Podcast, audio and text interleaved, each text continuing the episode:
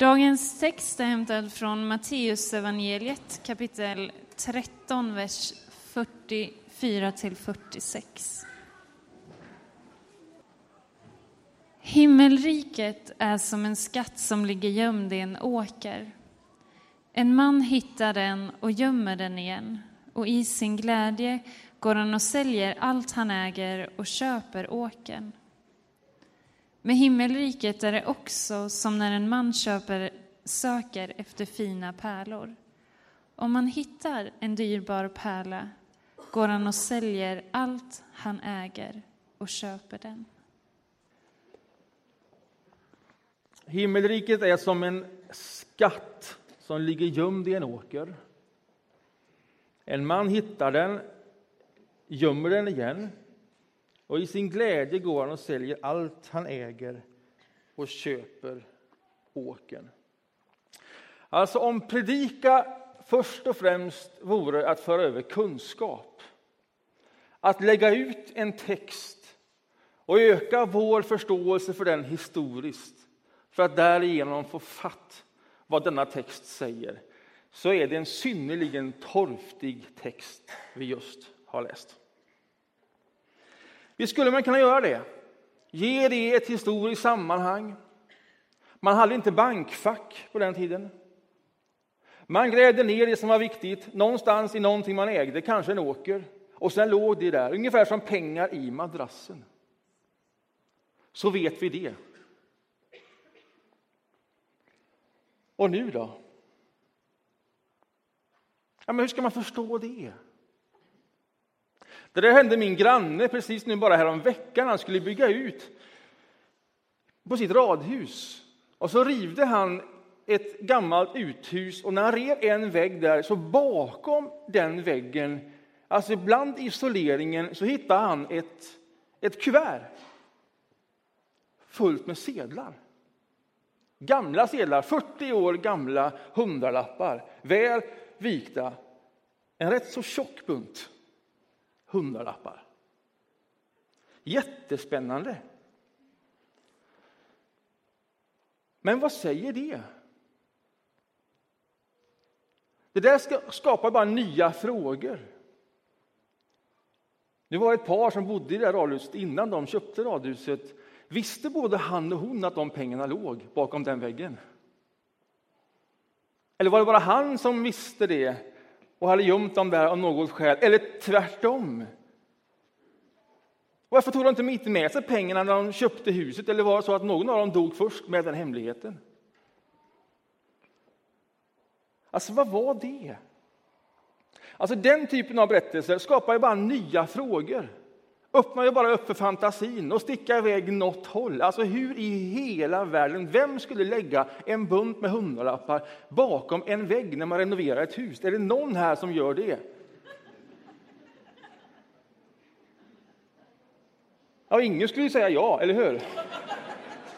Man kan ge sig sjutton på att det är någon här som gör det. Men vad säger det? Alltså frågan är fortfarande kvar. Vad säger, alltså vad säger det? Det är en torftig text. Om man nöjer sig med att försöka förstå den i ett historiskt sammanhang. Det hjälper oss inte vidare. Lyssna nu.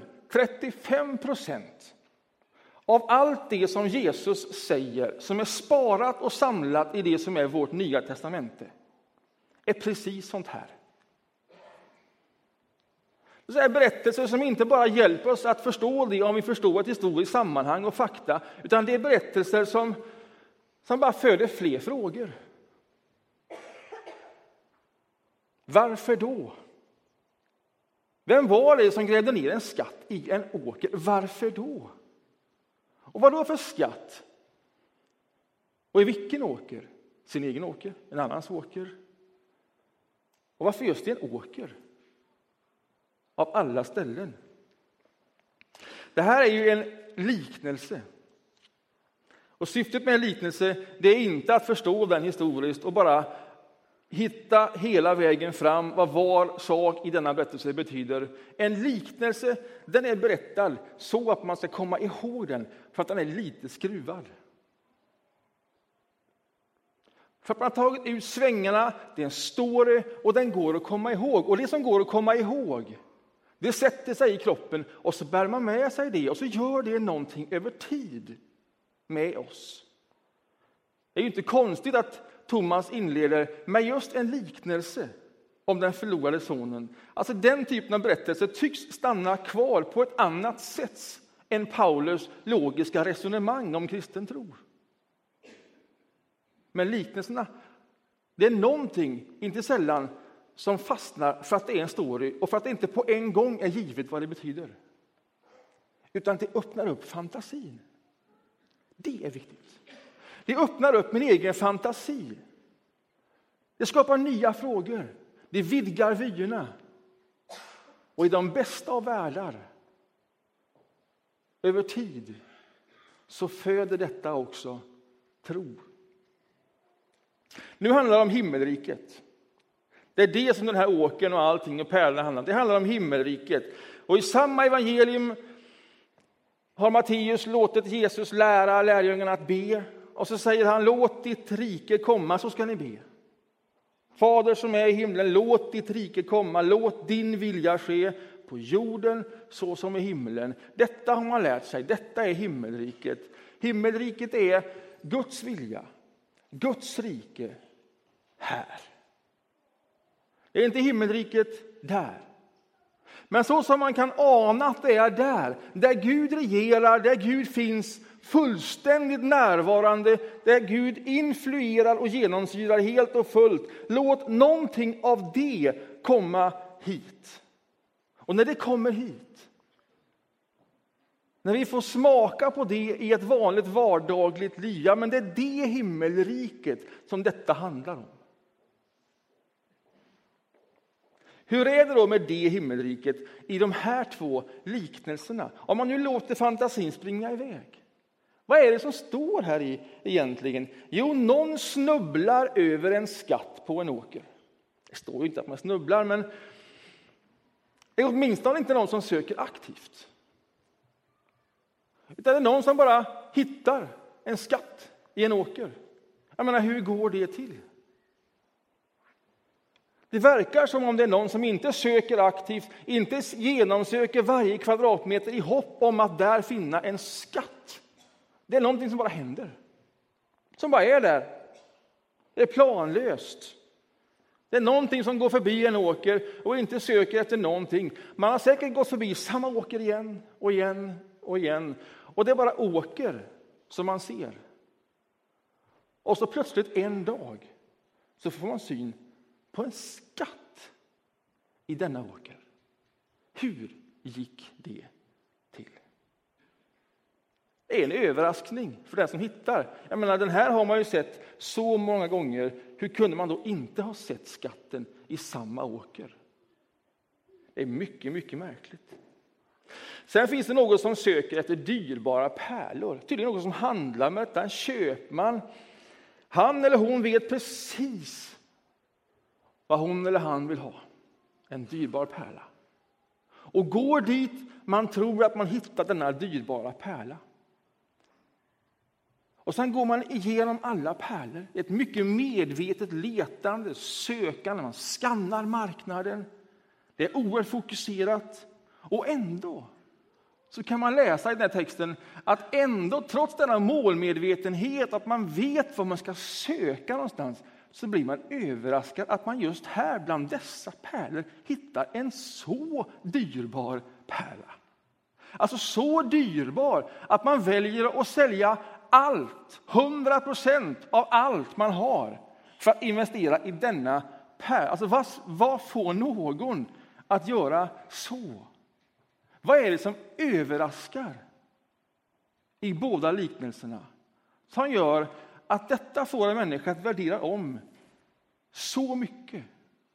Att man byter fokus så mycket så att man i liknelsen för att få fram den poängen säger han säljer och lämnar allt. Och gör det i glädje. Det är ju intressant, tänker jag. Himmelriket är överraskande. Det är vad det står här. Himmelriket är någonting som öppnar sig i tro när du som allra minst hade tänkt det. När du inte var beredd på det. Himmelriket, det var det som bara fanns i samma miljö som du har varit om och om igen men inte sett. Och så plötsligt ser du någonting i samma miljö. Himmelriket, det är det som när du söker efter det, för du vet, tror du att du vet vad du vill ha. Och du söker på dessa ställen och du vet ungefär vad du söker efter. Och när du gör det, plötsligt överraskas du att av ett av dessa pärlor som du letar igenom så fanns då någonting som var så mycket mer dyrbart än vad du kunde föreställa dig. Även där blev du överraskad av detta himmelriket. Det är vad jag läser när jag läser i detta. Och det där sker ad hoc. Det där sker plötsligt. Det där sker överraskande. Det där sker i tro. Det är inte alldeles enkelt att förklara hur det sker. Bara för några söndagar sedan så fanns det en berättelse här, en tjej som heter Jenny, som berättade i slutet på gudstjänsten hur hon hade gått en alfakurs. Om det fanns en kurs i kristen tro, då ville hon gå den för att se vad det var. En alldeles, alldeles fantastisk berättelse. Jag vet inte om Jenny är i vår gudstjänst, men du har redan berättat det offentligt, så jag berättar igen. Och sen slutar den här berättelsen med att hon hade gått den här kursen fram och tillbaka. Efter kursen, vad jag förstår, en bit efter det, så befinner du dig i Nordstan. Och där står någon och delar ut traktat och säger någonting tydligt om att Jesus lever. Någon representant från någon kyrka. Och när det sker så går det förbi en annan människa och som säger lika högt tillbaka. Kom igen, det är 2014. Jesus har varit död i 2000 år. Lägg av. Och sen hör jag, åtminstone som jag nu kommer ihåg dig säga, att du står och tittar på detta. Lyssnar på det och formulerar för dig själv. Det är ju märkligt. Därför att just 2014 är det året som Jesus blev verklig för mig. Hur gick det till? Ja, men hur gick det till? Alltså, hur sker det när man ser eller hör någonting i tro? Ja, det är inte enkelt att förklara. Det kan vara så medvetet, man söker sig i en kurs, man går tisdag efter tisdag, man resonerar fram och tillbaka. Eller man möter bara någonting plötsligt och så hamnar man i en miljö som man inte hade räknat med.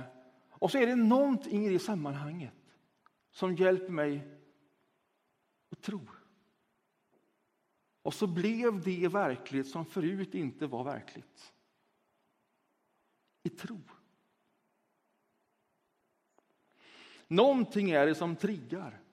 Någonting föder fantasin. Som en liknelse. Som gör att man för sig själv öppnar, vidgar vyer att saker och ting inte är givet. Någonting triggar fantasin. Och ibland till och med föder tro. Vad är det som triggar detta? Vad är det som föder fantasi och i de bästa av världar skapar tro? Alltså, det hjärtat är fullt av, det talar munnen om. Nu kommer ett sånt passus här. Vi håller på och bygger byggnader, eller vi räknar på detta och vi skissar på detta. Och vi funderar, vi måste ha administrationsutrymme, men det ger oss mer möjligheter och vi håller på nu här över parkeringen med arkitekter och annat. Och vad i hela världen har det med himmelriket att göra? Med skatten eller pärlan? Häng med nu. Anglikanska kyrkan hade en ärkebiskop som klev på tror jag 2008 och klev av 2012. Rowan Williams. Han var en mycket skicklig teolog och en kyrkoledare. Och det som gjorde honom så spännande, det var att han inte bara talade som kyrkoledare och teolog i kyrkliga frågor. Han var inte bara i det givna fältet, utan han hade en övertygelse om att Gud, att Gud har någonting att bidra med i hela världen. Överallt. Därför angår teologi allting. Det var hans lilla ödmjuka hållning. Så som ärkebiskop så kunde han gå fram och så kunde han tala om stadsplanering, om infrastruktur, teologiskt. Och det tänker ju inte vi först att det är vår uppgift. Vi tänker ju mer inomkyrkligt, det är så vi jobbar teologiskt. Bara igen en passus, nu blir det många passusar. Vi får se om vi kommer igenom. I veckan var vi och mötte en statssekreterare i ett samtal mellan kyrkorna och staden för att se vad kan vi göra tillsammans. Kan vi jobba mer strategiskt tillsammans? Vad vill ni göra? Och så säger vi, ja men kan vi inte först komma överens om vad är frågan? Har vi en gemensam problembild? Ja, men vi har många problem, säger de. Och vi har infrastrukturproblem, så va? men det är ointressant för er. Och så sitter jag där och tänker, jag har precis läst Rowan Williams, jag var inte så säker på det. Och så säger han så här i ett anförande. Alltså när man bygger och planerar en stad där människor rör sig kors och tvärs så kan man bygga för en gemensam framtid eller bygga bort en gemensam framtid.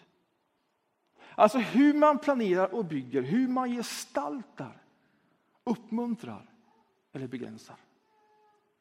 Man kan bygga väldigt effektivt så man hittar snabbt någonstans och snabbt hem. Eller så kan man bygga så att det blir många ytor som gör att vi möts. Och att de ytorna är utformade på ett sådant sätt att de gör någonting med en människas vyer. Och så säger han så här i slutet av detta fantastiska anförande. We must create an environment. Det kommer en översättning på slutet. We must create an environment that nourishes imagination.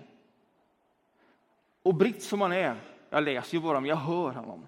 And in the wildest sense nourishes faith. Alltså, vi måste skapa miljöer som föder fantasin. Och om man ska vara helt crazy, skapar tro. Alltså, vågar vi tro så om en stadsplanering? Vågar vi tro så om det som vi ser som tingliga saker? Påtagliga saker. Att det skulle kunna vara någonting som väcker någonting av en skatt till liv. Att man kan bygga sådana miljöer som i sig föder fantasi och om man ska vara helt crazy, skapar tro. Så att när man möter det så var det det som gjorde att man plötsligt såg någonting annat i en åker än det man hittills hade sett. Eller som gjorde att det var det som man gjorde, att man såg pärlan bland andra pärlor. Om vi nu är en kyrka här, vi har fått denna fantastiska byggnad och jag ska inte tala om huset, ja, det här, utan det kommer bli personligt alldeles efteråt, jag lovar. Vi landar in i det. Men detta är vad vi står i som församling. Om man har fått denna enastående möjlighet och plats i en stad ett hus som står mitt i en stad. Där marken är så dyr att ingen kyrka nu skulle få för sig att nu gå in och tävla med Peab, och Skanska eller någon annan för att köpa en bit mark och bygga en katedral. Det gjorde man för 100 år sedan eller 40 år sedan som det här. Men inte nu. Och nu har vi fått denna enorma gåva. Och så har vi en möjlighet här att få bygga fram, vad då? Det vi säger kyrkan. Så att det syns. Kan man tänka sig att man bygger fram någonting som föder fantasin? Och om man ska vara helt crazy, skapar tro. Alltså kan man bygga sådana miljöer? Är det möjligt? Eller är han ute och cyklar, ärkebiskopen? När man tittar på det här huset så är det ett tegelhus byggt på 70-talet. Restriktivt, försiktigt, som 70-talet var. Allt är gult.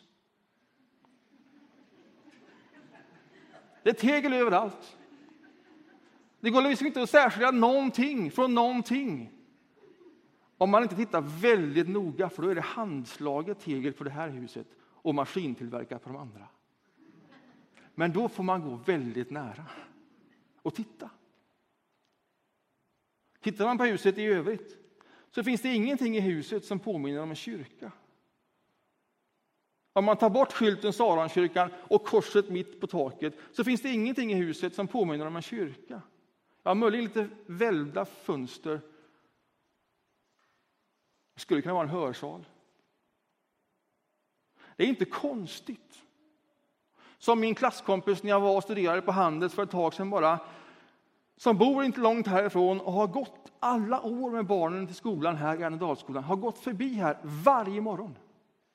Och sen möts vi några år senare och så säger jag att jag jobbar i Saronkyrkan. Och så säger hon, jaha, Smyna? Nej, Saron, säger jag. Brunnsgatan 3. Är du säker? Det finns ingen kyrka där, säger hon. Jag är helt säker. Alltså, hur är det möjligt? Det är fritt från religiösa symboler. Därför att det var så man byggde. Försiktigt. Man smälter in. Man är i sin tid. Tänk om vi skulle gestalta någonting. Vad det nu är, hur det nu ser ut men som i sin tur föder fantasi och om man ska våga vara helt crazy, skapar tro. Alltså, för vi vet ju att det här är en miljö som gör precis det. Det är det vi är med om här. Väl på insidan så är det ju inte hela världen om det är handslaget tegel. Vi vet ju att detta är en gemenskap, en miljö som just föder fantasi och skapar tro. Det är därför vi är här. Det är alldeles uppenbart för oss. Vi vill ju att fler ska uppleva det precis, precis så. Och det här är inte bara en byggnad, nu lämnar jag byggnader. Utan just en miljö som skapas av människor, som skapas av oss. För att vi är här. För att vi bidrar, för att vi ber, för att vi talar, för att vi berättar. Det är symboler, det är verksamhet, det är gestaltningar. Hela den här miljön är ju det som gör att vyer öppnas och vidgas. Så att också tro föds.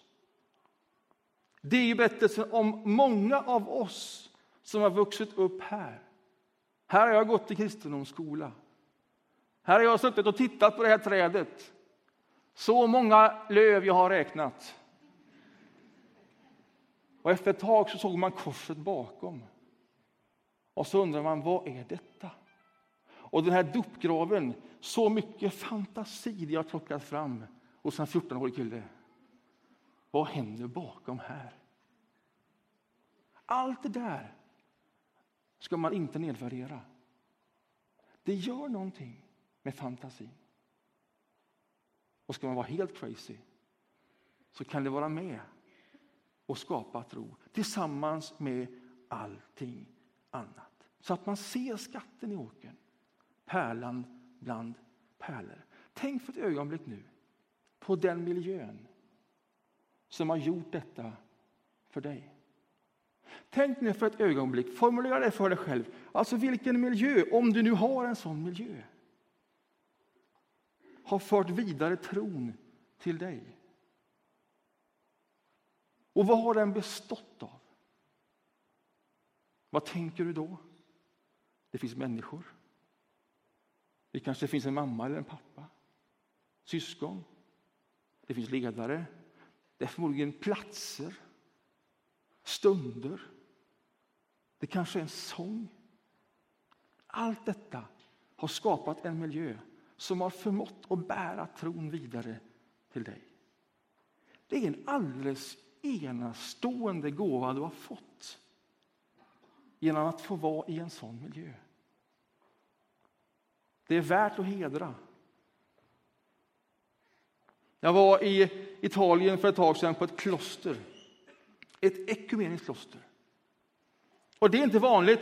Oftast är det så här att man åker till ett sånt ställe och så är det i en tradition. Och är det katolskt, ja då får man konvertera och bli katolik för att man håller ihop det. Men då säger viceprion när vi har ett sådant samtal, varför gör ni inte som alla andra? Varför är det ekumeniskt? Och då säger han så här, och det är så fruktansvärt bra. Alltså, vi tycker inte att man behöver konvertera till varandras kyrkor av det enkla skälet att den kyrkan som har förmått att bära tron vidare till dig den miljön som har förmått att bära tron vidare till dig, det är ingen liten sak. Så säger viceprion. Det behöver man hedra. Och den stora frågan då, det blir inte vilken kyrka ska jag vara med i nu? Eller vilken kyrka är rätt? Vad passar? Den stora frågan då, som svar på det, det är hur ska nu jag bära detta vidare så att nästa generation också får del av tron? Vilken miljö skapar jag, bidrar jag till, som föder fantasi, vidgar vyer? Och om man ska våga tro mycket om Gud skapar tro.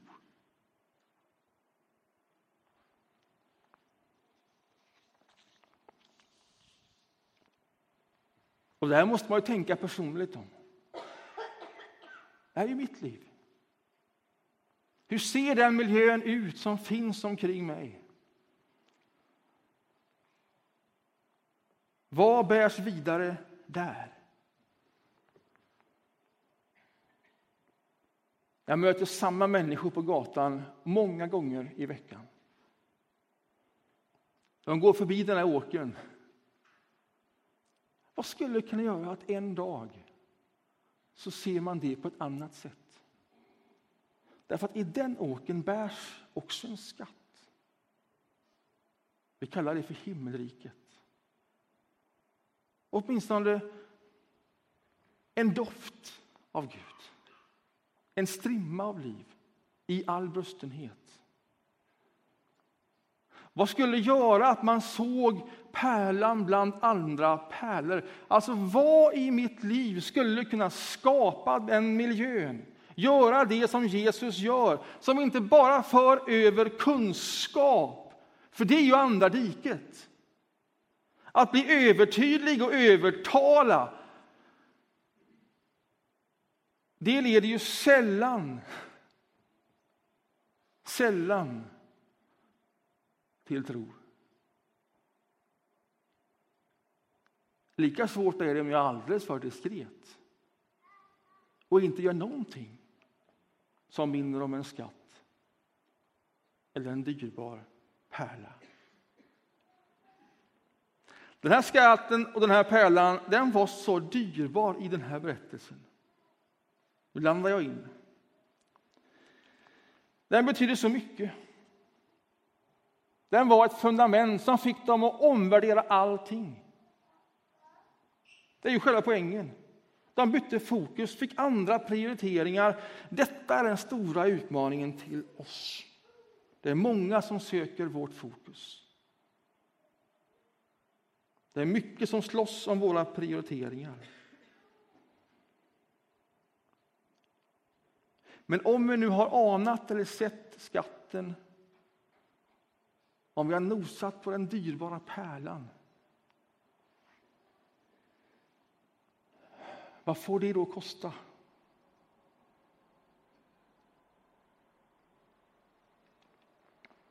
Vad får det då kosta? Vad får det då betyda?